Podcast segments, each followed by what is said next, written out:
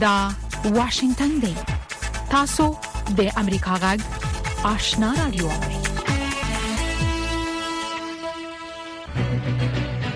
قدرمن اوریدونکو السلام علیکم زه شافیا سردار یم دا د امریکا جغ آشنا رادیو خبرونه پیښه لومړی به خبرونه واوري السلام علیکم درنو اوریدونکو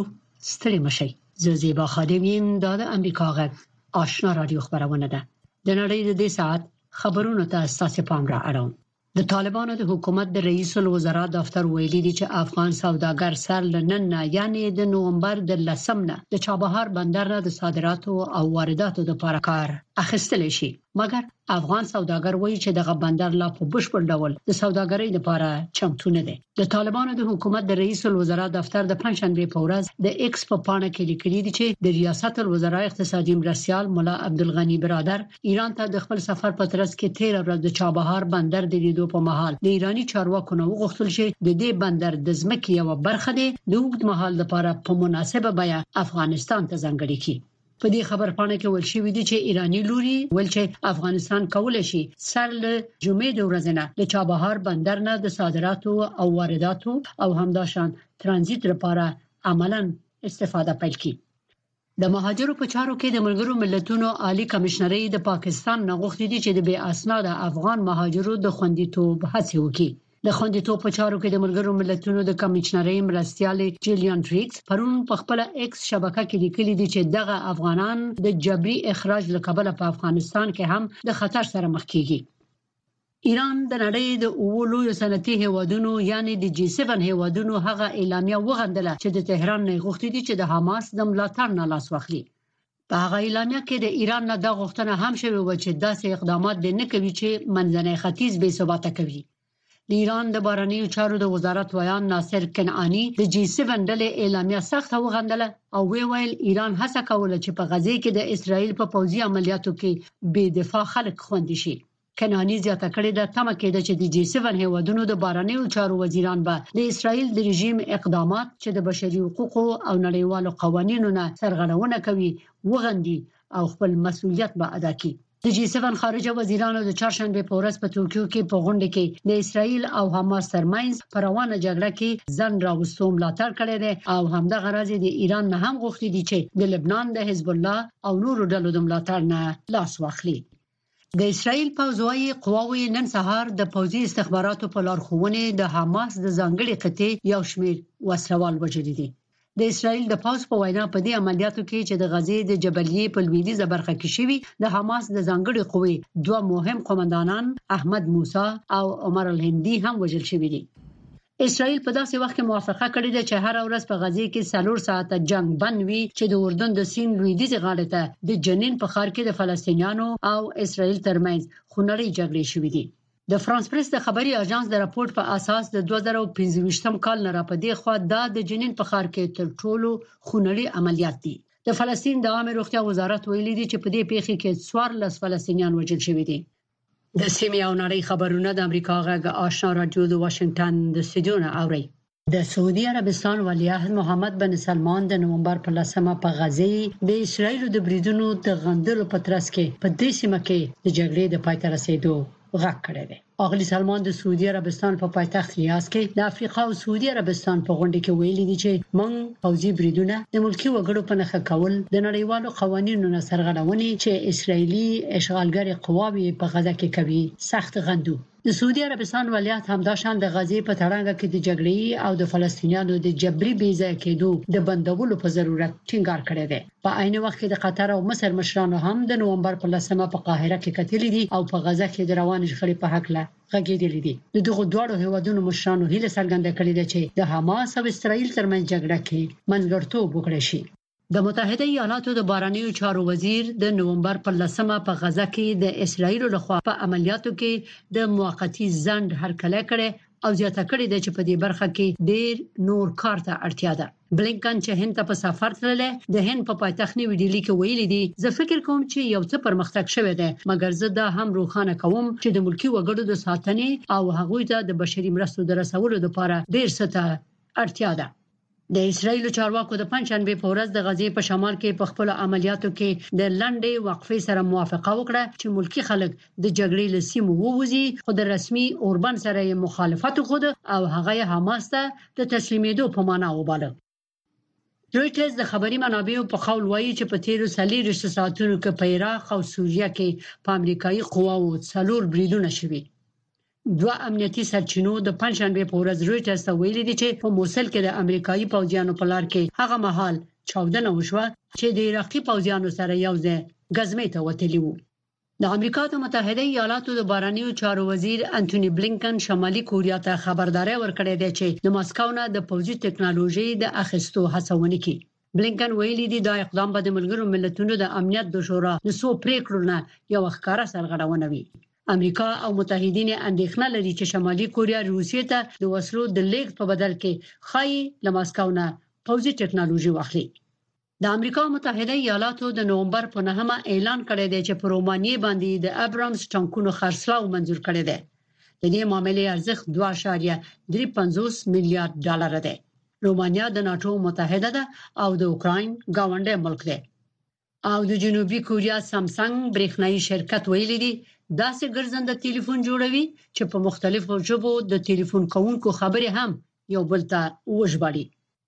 دغه شرکت نن ویلي دي چې دا هم مهاله ژباړه به د سامسنګ په ګالیکسي تلیفون کې اضافه کړی شي ټاکل شوې ده چې دغه تلیفون د 2023م کال په لومړیو ورځو کې بازار ته راشي زیبا خادم امریکا غږ واشنگتن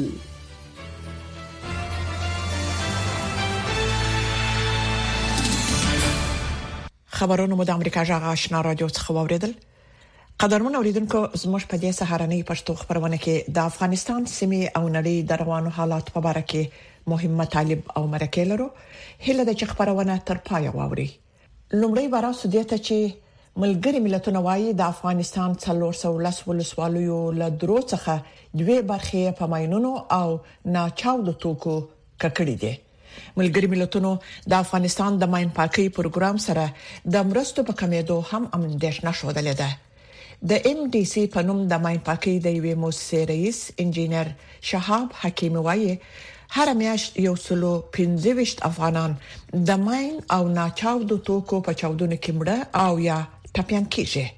شاغلي حکیمي په کابل کې د امریکا جغ د خبریال اکرام شینواري سره په مرکه کې اندیشنه شوه چې له پاکستان څخه وطن ته د افغان کډوالو ستنیدو وروسته کېدای شي د ماینونو په چاودنو کې تلفات نور هم زیات شي په دې اړه پام وکړئ مرکه ته حکیمی صاحب دریش کله کېږي په افغانستان کې د ماین پاکۍ پروګرام روان دی تر اوسه پورې څومره ساحې د ماینونو څخه پاکې شوې دي؟ د افغانستان ماین پاکي پروګرام پنځه ملي موسسې پکې کار کوي او دوه نړیوال موسسې پکې مصروف دي په دې درې درشو کالو کې په افغانستان کې د ماینونو د منځولو خاطر خپل کوششو ته ادامه ورکړي او په دې جریان کې ستر په موفقیت ترلاسه کړی هغه داسې تقریبا او یا تر 15 یا فیصد ساحې د مینونو څخه د نشاو د توکو څخه پاکې شوې دي د داسې ریپورتونو دي چې د مین پاکي پروګرام سره په دې وروسته د کلونو کې نړیوالې مرستې کمې شوې په تیرو کلونو کې کله چې نړیوال موس په افغانستان کې شتون درلود نو دوی په کافي اندازه پیسې پروګرام ته ورکولې او دا پروګرام ډیر ښه په سرعت سره روان و خو پس د دې نه چې دلته په افغانستان کې د نظام بدلون راغی یعنی پس 2021 نه د افغانستان مې پاکي پروګرام لکه نور ساحاتو کې د ډیوال توجه کم سه او خپل پیسې د مې پاکي پروګرام لپاره کمی کړې د مې پاکي په پروګرام د مرستو د کمبود اغیزه څومره ده پخوا مونږ هر کال تقریبا 100 میلیونه ډالر ترلاسه کولې او دا پیسې په پروګرام کې د ملي او بین المللي موسسات په واسطه د افغانستان په مختلفو ولایتو کې مصرفېدل او مینونه پاکېدل خو پس لغنه مثلا تیر کال ملګری ملتونه دوی په 15 میلیون ډالر دوی درخواست کړی وو تر اوسه پورې 15 میلیونه ترلاسه کړي نه دي معنی دا چې کومکونه ډیر کم شوي دي او نړیوال تر اوسه پورې کومه توجه چې په خوای پروګرام سره درلودله هغه سي توجه نه کوي کې دي چې یو دلیل به د نظام بدلونی او بل مهمه مسله دا ده تاسو وینئ چې په یوکراین کې جنگ ده نړیوال الته مصروف دي او په دې ورستیو کې په غزه کې الته کوم جنگ روان ده د فلسطین او د اسرایل په مابین کې دا کومکونه په افغانستان باندې کم شوی دي د دې په خاطر او طبيعي ده چې توجه ټول مغه خواته ده خو بیا هم نړیوال کمی پیسې چې دا پروګرام مقصد حرکت وکي فعلا هم جریان لري د مثال په توګه د امریکای متحده ایالاتونه پروګرام ته اوس کومک کوي مثلا مونږ تیر کال په بغلان کې ډېری ساحې له مینونو مینونو نه په اندراب کې پاکې کړې دي دا څو ورځې کېږي چې ټیمونه ملګري دي هرات ته همدغه د امریکا حکومت وزارت خارجه پروګرام ته کومک کوي الته ټیمونه په هرات کې مصروف دي څه ترغه پورې چې ساکاله یا کوم ماین فیلډونه چې په الته پاتې دي یا کوم جنگي ساحې چې پاتې دي یا کوم هغه ماینونه چې په تیر کلو کې په افغانستان کې استفاده شوې دي هغه ساحې پاکې شي چې داسې ټول موسسې د افغانستان په هر نقطه کې دوی مصرف دي د مینونو او ناوچالو توکو په چاودنو کې د تلفاتو کچه څومره ده تلفات زیات شوی هر میاشت 125 کسان تلفات لرو په ټول افغانستان کې چې د دې نیمایي د ماشومان دی او د ډېر د تحصیل ځای دی او په دې ورځو کې چې مهاجر بیرته له پاکستان را روان دي او په لکونو لکونو خلک مختلفو ولایتو ته ځي طبيعي ده چې تلفات زیاتېږي تلفات چې زیات سه او هغه ساحو ته چې دوی ځي خپل کلیو باندو ته ځي هلته هم ډیر مینونه دي هغه دوی نشي کولای چې خپل اقتصادي فعالیتونه شروع کړي د خپل ژوند د دوام او د بقا په خاطر نو دا هم یو ډیر لوی مشکل ده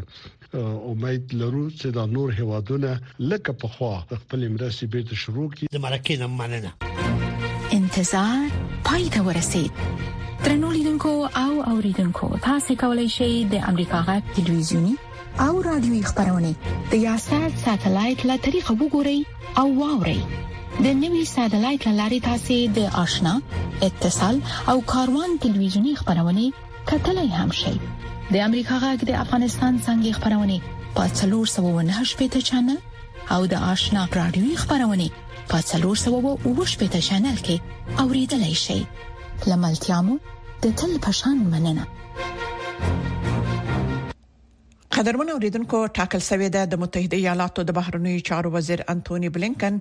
او د دفاع وزیر لید آستن د جمعې په ورځ په نیوی ډیلی کې لخپلو هندي سیالانو سره وګوري بلینکن هند ته د سفر څخه مخکې په جنوبي کوریا کې د هغه هیواد د بهرنیو چارو لوزیر سره پر شمالي کوریا چین او روسیې بحث وکړ د خبر نور جزئیات سمیع الله جلال زیک تاسو ته درکوي. هغو کسانو ته چې د موټرونو په واسطه تیریږي هواره د ارواحو د ښار په شان ښکاري پر اصلي سړک کې خلک نه ښکاري ټولې هټۍ تړلې دي خځلې انبار شوي یوازې اسرایلی عسكر شاوخوا لیدل کیږي د جګړې له پیل څخه فلسطینیان د اردن سیند په لویدیځه غاړه کې په دغه عرب خارګوټي کې له کار کولو په پخو لګرځیدلو او موټر چلولو څخه منع شوي دي نحن طالبنا اه. موږ حتی صحي مراکزو ته نشو تللی، موږ هیڅ هټۍ ته لاسرسی نه لرو، روغتون ته نشو تللی، امبولانسونو ته لاسرسی نه لرو، موږ پر دې سړک د ژوند له ټولو اړخونو په بشپړ ډول بې برخې شوي یو. حواره د اردن سیند په لویدیځه غاړه کې د تاوتریخوالي یو بل محل دی. د دې ښار، عمده سړک چې جنوب د شمال سره نښلوي تړل شوی او د رامولا او نابلس په شان له مهمو ښارونو سره ارتباط قطع شوی دی دا ښار همدارنګه د يهودانو په ګڼو استوګنځایونو کلابند دی د حماس او اسرایل ترمنځ د جګړې له پیل مخکې هم په دې سیمه کې د يهود میشتو او فلسطینیانو ترمنځ جګړه معموله و او دواړو طرفونو ته به تلفات هم اوختل سرتیری او يهودان د هوارا سړکون ترازی او هغه د ډبرو ورول پیلوي پر موږ بمونه راغورځوي موږ ته نګدي راځي موږ خپل کاروبار نشو کولای موږ نشو پرانیسته د تاوتریخوالو په زیاتېدو سره اوس اسرایلی ځواکونه فلسطینیانو ته اجازه نه ورکوي چې د موټر په مرسته د هواره ښار له یو طرف څخه بل طرف ته ولاړ شي تقریبا ټول هغه سړکونه هم بند شوي چې د ښار داخلي برخې سره نښلوي د ښار په منځ کې یوازې یو نقطه ده چې خلک کولای شي په پخو تګ را تګ وکړي هواره اوس په برخو ویشل شوی پورته برخه یو څه امکانات لري یو شمیر سوپرمارکیټونه شته خاروالۍ په هغه بل اړخ کې ده بنان خلک کولای شي ژوندۍ پاتې شي زمونږ طرف واقعا مشکلات لري مونږ هټي او کلینیکونه نه لرو د اسرایل حکومت د دې لپاره چې د هوارا له اصلي سړک استفاده ونه شي یو بل سړک جوړ کړي خو اسرایلی موټرونه اوس هم د ښار لمنځه تاګ را تک کوي سمي الله جلالزای د امریکا غږ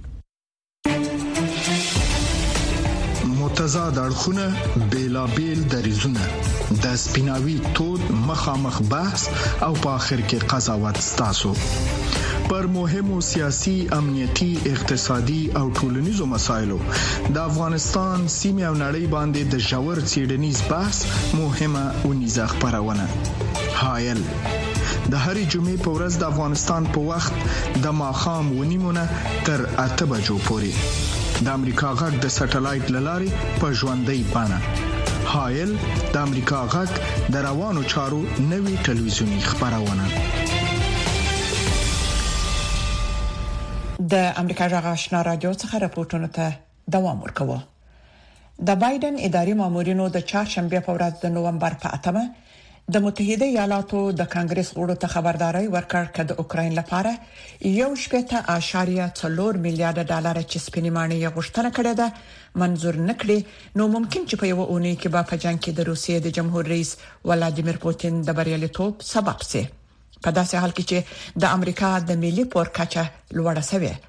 د استادو د مجلس یو شمیر جمهوریت غوښتونکو غړو له اوکرين سره د اضافي مرستې مخالفت کوي د امریکا جغ د کانګرس د چارو خبريالي کاترین ګیبسن د رپورت خلاصه از موږ همکار سید سلیمان شاه تاسو ته دراوړي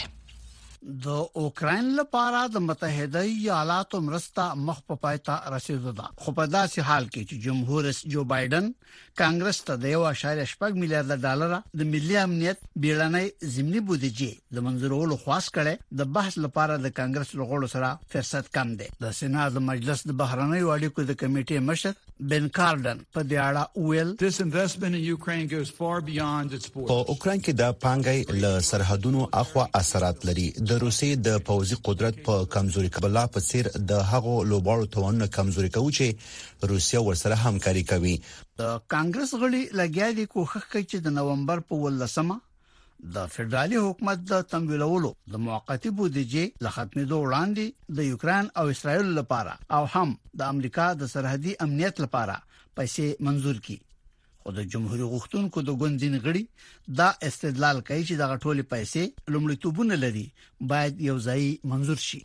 د سینا په مجلس کې د جمهوریت غوښتونکو د اقلیتي ګوند مشر سناتور میچ میکانل دا سی وایي We should continue to invest in expanding America's defense industrial base. موږ باید د امریکا د صنعتي بنسټ او اساس په پراختیا کې پانګونه جاري وساتو چې په دې کې زموږ د اوسنیو توانونو بدلول باید شامل وي ځکه اوکرين اوس زیاتره هغه نوي وسلې کاروي کومې چې موږ د خپل استعمال لپاره تیار کړې وي د اسراییل، تایوان او زموږ د هند پاسفیک د سیمې هیوادونو او نورو ملګرو د اړتیاوو د پوره کولو لپاره د وسلو تولید باید چټک شي. په کانګرس کې د جمهوري غوښتونکو ګوند ځینې غړي په دې اړه اندېښمن دي چې متحده ایالات د روسي په خلاف په ټپه درېدلې جنگ تمویلي حال دا چې له همدغه پیسو نه په خپل په امریکا کې دننه بهتره ګټه پورته کېدې شي د بایدن ادارې د کانګرس غړو ته د چهارشنبه پر ورځ ویل چې د روسیې د تیری په خلاف د جنگ لپاره پیسو د نمنځورولو عواقب ممکن چې سمدستي او فوري په داسې حال کې چې جمع را روان دي امریکایي مامورانو خبرداري ورکړه چې د یوکرين د جنگ د اړتیاو د پوره کولو لپاره پیسې ختم شوې دي د اروپا او یوروشیا لپاره د متحده ایالاتو د نړیوالې پراختیا د ادارې مرستيالي مرمن ایرن مکی په خپل وینا کې وویل If Congress does not approve supplemental funding our partner organizations in Ukraine would have to either reduce the number of people کچېر کانګرس دغه پیسې منزور نکي نو په اوکرين کې به زموږ ملګري سازمانونه او شریکان مجبور شي چې یا د هغو خلکو شمیر 15 او یا په سلو کې کم کړي چې بشري مرستې ورته ورکول کیږي او یادا چې زمنګ ټول بشري مرستو پروګرامونه به وټړل شي د سنا د مجلس دیموکراتانو کوښښ وکړ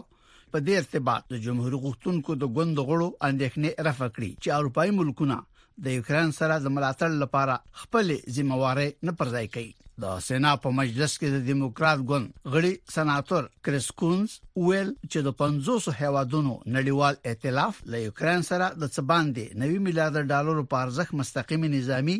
او بشري مرستې ته ځای ورکړي او که څه هم چې موږ سره په ځانګړې توګه تر ټولو زیاته مرسته کوو د ازادۍ په خاطر د یوکرين د جنگ په جبهاتو کې د ونډه اخستل نړیواله بڼه لري د بایدن د ادارې مامورانو قانون جوړونکو ته ویل چې اروپאי هیوادونه لګیا دي ګوري چې متحده ایالات د یوکرين لپاره اضافي پیسې منځوري او کنه که کانګرس هغه پیسې منځور نکړي چې د یوکرين لپاره سپینې مانې خواص کړي نو ځینې نور ملکونه به هم لمرستنا لاس پریمنځي سید سلیمان شاه د امریکا غږ واشنگټن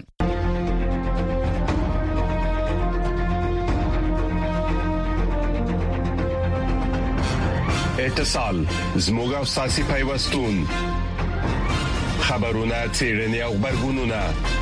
موثق معلومات او دقیق جزئیات کورنۍ نړیوالې او سیمې یې مسلې چې د عام خلکو پر ژوند غیز لري ساسي پښتنې د چارو خو ځوابونه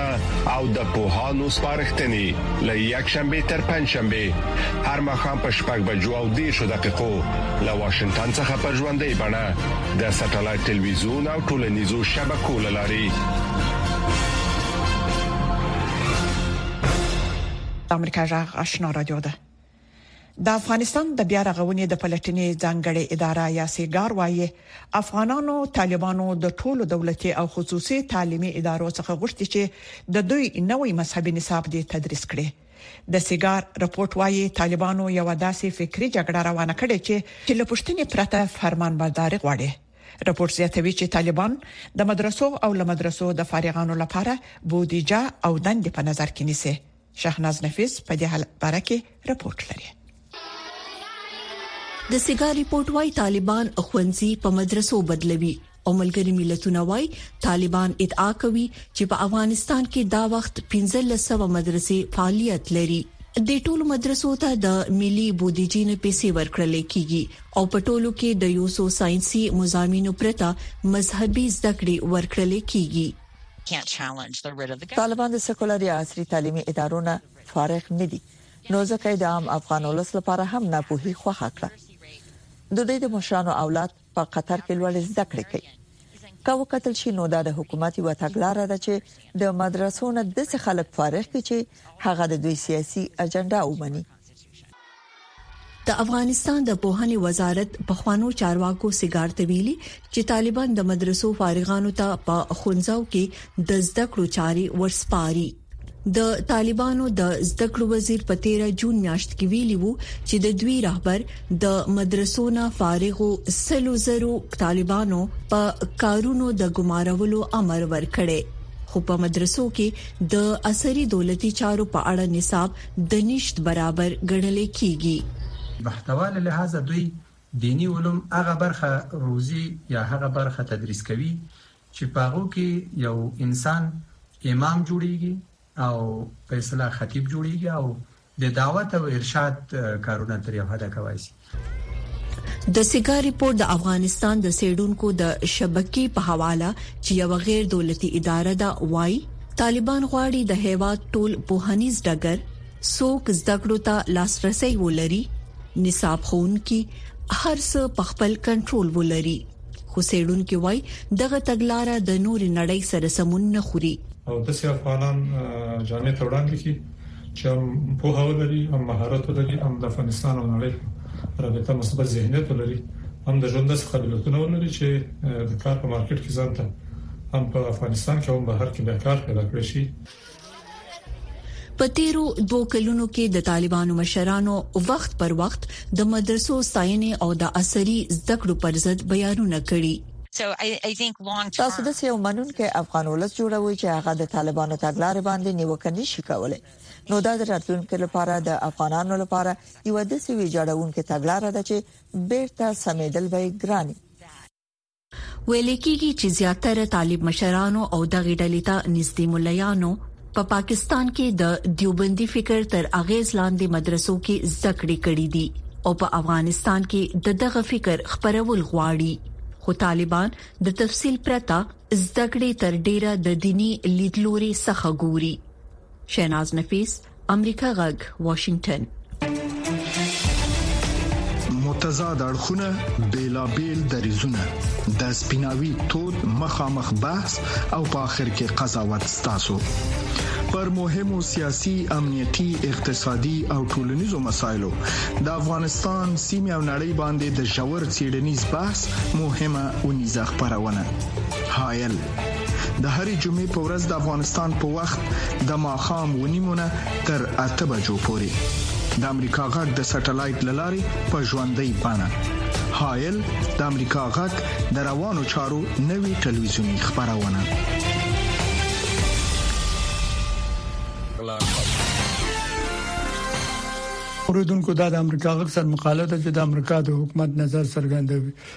په ایران کې په یوه جنازه کې برخه اخیستل به یو خطرناک کار وي چې سر ته ورسول شي په خاصه توګه کې مړه شوی یو ځوان جلې وي چې ادعا کوي د اخلاقی پولیس سره ورسته له هغه مقابله وکړه چې اجباري حجاب په مناسبه توګه نو استعمال کړي راپورټونه وايي د بشري حقوقو مشهور قانون پوه نسرین سودودي د بشري حقوقو د یو شمېر مدافعینو سره یو ځای سخته وډبول شوله او توقیف کړل شوه. په داسې حال کې دوی د اکتوبر د میاشتې په نهه مه نیټه د شپاړس کلنې کوردي الاصله ایرانۍ آرمیتا جراوان لپاره په جنازه کې ګډون کړی و. جراوان د تهران په روغتون کې د هفتو د کوما نه وروسته مړه شوله. په مترو باندې د حملې نه وروسته چې ګومان کېږي ویښتان یې سهي پټ کړي نو د دې تراژیکه وژنه د بلې کردالاصله ایرانۍ ښځې مهسا امیني ته ورته وه. دا د دوه زره دوهشتم کال د اخلاقي پولیسو د تعقیب کېدو نه وروسته چې مناسب حجاب یې نه و استعمال کړی مړه شوله. په درس هېواد کې پراخ احتجاجونه یې راوپارول چې د حکومت له خوا په بې رحمه توګه وځپل شولو احتجاجونه او د چارواکو له خوا سخت ځواب د امینې په جنازه کې پیل شو د دې په پلارني خارګوټي ساقس کې په زرګونو کسانو پکې ګډون کړي وو نسرین ستودي په ایران کې د توقیفولو او باندې کولو سره ناشنا نه ده د خزو بیډاره مدافع د مذهبي اقالیتونو نه ویریدونکو مدافع ده او د سوله ییزو فعالیتونو دا د امنیت پورې تړلې د راز راز جعلي تورونو په باره کې بندي شوې ده او کلونه په بند کې تیر کړی دی د دې څختن رضا خندان ویلي ستودي په جدي توګه ډبول شو او د ارمیتا جراوان د جنازې په وخت کې د دې د توقيف کېدو په وخت کې عینکه ماته شوې نسرین ستودی د تهران نه بهر د خارجک بدنام زندان ته انتقال شول د امریکا د بهرنیو چارو د وزارت نطاق ماتیو میلر په یو لیکل شوی وینا کې سخت حمله او د اکتوبر د 18 نیټې د هرمه تاج روان په جنازه کې د یو شمېر بشري حقوقو مدافعینو د غیر عادلانه بندي کول او وغندل چې راپورټونه وايي د تهران په مترو باندې د حمله کول نو ورسته امړ شو د دې د مړنې علت دا چې حجاب نو استعمال کړي امریکا له زندان نه بیل قید او شرط نه د میرمن سدودي او د رژیم له خوا په غیر عادلانه توګه د نورو بندي شوو کسانو د خوشې کولو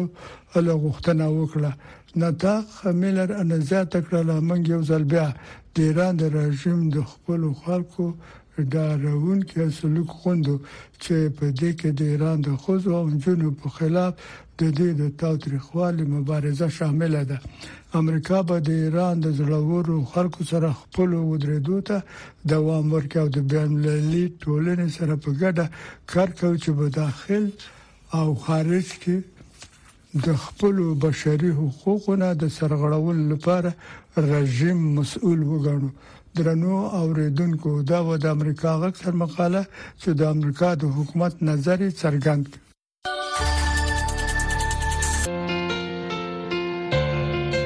درنو اوریدونکو زموږ د خبرونه په همدې ځای پای ته ورسیده د امریکا جغ آشنا را دوه خبرونه دوام لري ستاسو ټول څه مننه چې زموږ خبرونه اوري